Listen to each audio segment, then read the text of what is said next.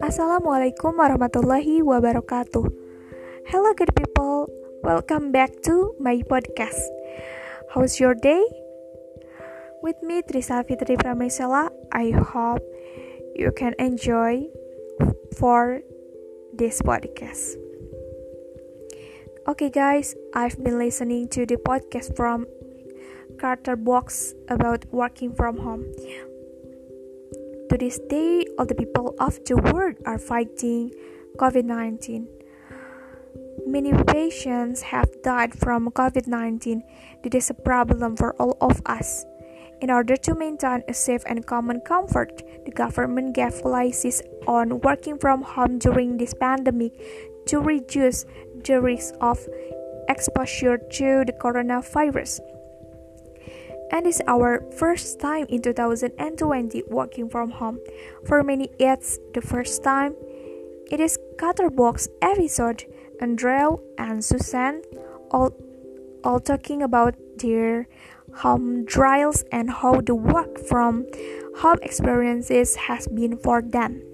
Fun fact Working from home stresses boredom and is eco-friendly.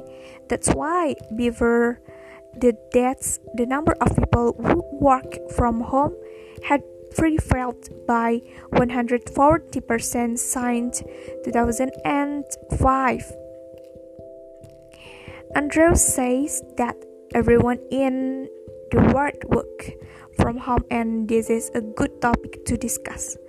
Since the COVID pandemic, the situation is fraught with anxiety Susan also shares her experiences of how she is with work from home. Susan said that during the pandemic, she was working online with her client. She was a tutor on pronunciation. Presentation to actors.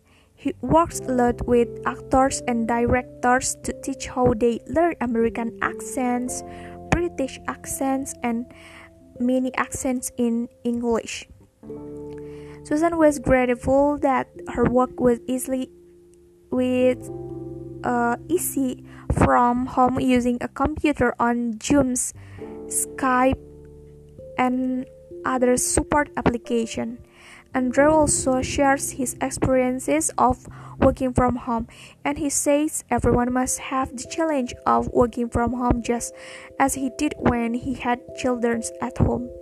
Andrew and Susan agreed that their house had even changed into an office where they work. Regardless of circumstance, right now, try to remain in charge of jobs like Susan and Andrew, guys. And I just want to remind all of you guys keep your condition and your family safe. Please be in good health. Remember to adhere to health protocol. Science health is expensive. Don't take this virus for granted. You must be careful. Okay, guys, maybe that's all. Thank you for listening. Wassalamualaikum warahmatullahi wabarakatuh.